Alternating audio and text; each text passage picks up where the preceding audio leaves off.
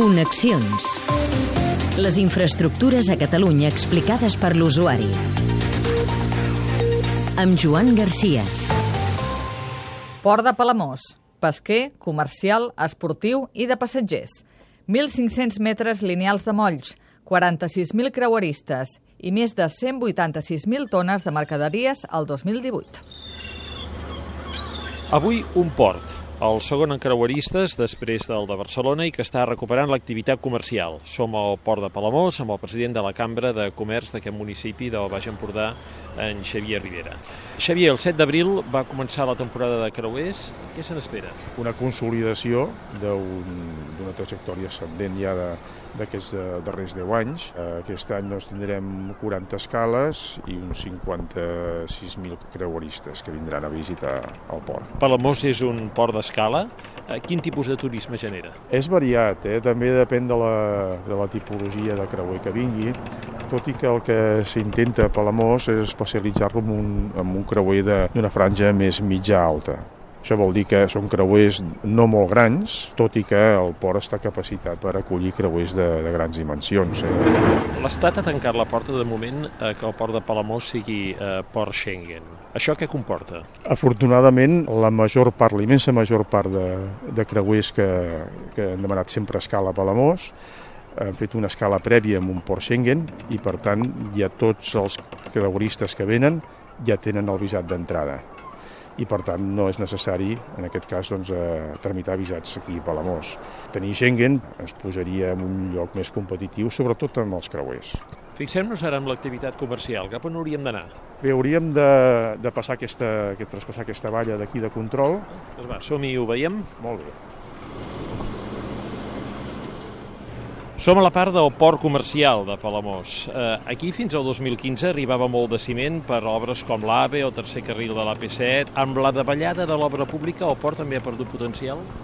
Home, el ciment indubtablement ens aportava un gran volum de moviment, però hem mantingut tota la, la resta de diversitat de, de mercaderies. En aquests moments el principal producte eh, que movem és la pasta de paper. Aquí veiem dues piles de material que deuen esperar ser, ser embarcats, no? Què, què tenim aquí? Bé, el que tenim aquí a la dreta és eh, biomassa, que estem recepcionant per al proper vaixell, que ha de venir d'aquí propers dies i que s'embarcarà en destinació cap al nord d'Europa. I més a l'esquerra encara ens queda una resta de, de varita que es va descarregar fa uns dies, procedent del Marroc, i que té doncs, una destinació una empresa també d'aquí de, de Girona. Però molta gent segurament coneix el port de Palamós pel seu component eh, pesquer, també per l'esportiu, per haver vingut potser alguna tarda a veure la subhasta. Acostem-s'hi? Molt bé.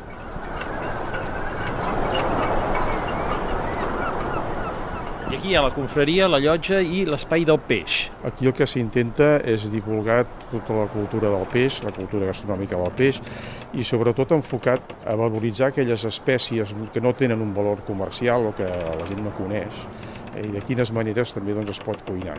Aquí tenim també en Pitu Llàtzer, que és el, el cuiner que sol fer aquestes sessions. Aquí mirem de promocionar el peix que té poc valor, en plats que es cuinen a bordo de les barques, peixos com poden ser canana, peix blau, com ara bonito, sardina, pop blanc, doncs eh, plats que han sigut de tota la vida de, de pescador i després doncs, aquest espai també serveix per fer tallers perquè eh, els que vinguin a fer tallers aprenguin a cuinar.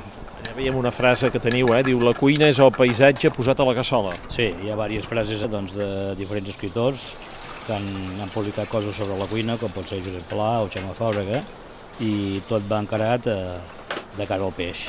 Aquí a Palamós el producte estrella és la gamba.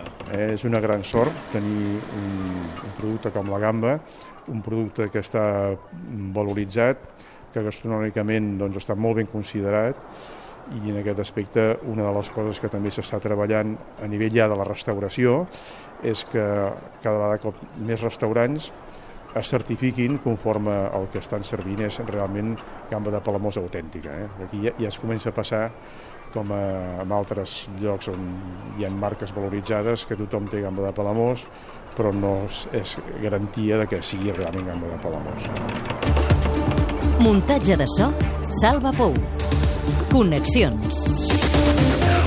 També disponible al podcast.